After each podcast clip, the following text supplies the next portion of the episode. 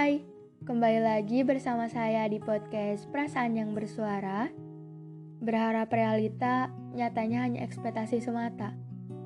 Tidak perlu bertanya apa kabar. Saya yakin kalian yang lagi dengerin suara ini selalu dalam keadaan baik-baik saja, tentunya dengan perasaan yang baik-baik saja juga. Sekarang kita bicaranya santai-santai aja ya. Di sini saya akan bercerita perihal teruntuk 2020. Gak kerasa ya, sebentar lagi tahun akan berganti dan 2020 akan segera pergi. Waktu terus berlalu. Tanpa disadari pun usia bertambah. Kalian ngerasa gak sih? Tahun ini dipenuhi dengan mereka yang datang dan pergi begitu saja. Gak sedikit manusia di dunia kehilangan orang yang mereka sayang di tahun ini.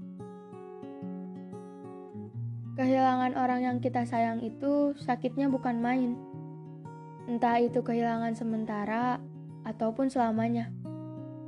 Asal kalian tahu saja, diri bisa ngerangkai kata sepanjang ini adalah hasil dari sebuah kehilangan. Mungkin ini terdengar seperti dilebih-lebihkan, tapi benar. Saat itu, orang yang aku sayang, orang yang selalu memberi kebahagiaan, tiba-tiba pergi begitu saja.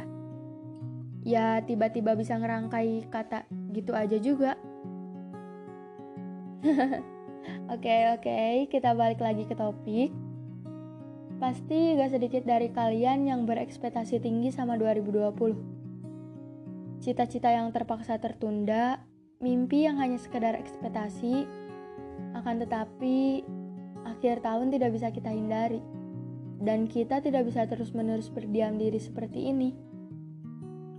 Apa aja sih yang udah dilakuin dan didapatkan di tahun ini? Lebih banyak cerita sedihkah?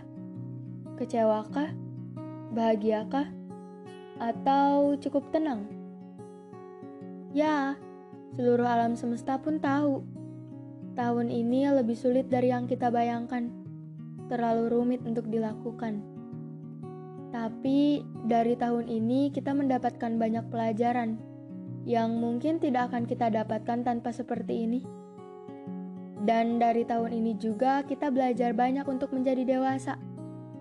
Hmm, semoga di 2021 nanti lebih banyak cerita bahagianya, gak ada lagi perdebatan pagi, siang, malam di dalam rumah, gak ada lagi orang yang kita sayang pergi menghilang begitu saja, gak ada overthinking-overthinking lagi, gak ada insecure-insecure lagi, dan semoga mimpi-mimpi yang terpaksa tertunda di tahun ini bisa jadi nyata. Amin. Mungkin segitu dulu cerita hari ini. Buat kalian, terima kasih banyak sudah mau mendengarkan cerita hari ini. Semoga bisa mewakili isi hati dan sampai jumpa di podcast-podcast selanjutnya. Bye.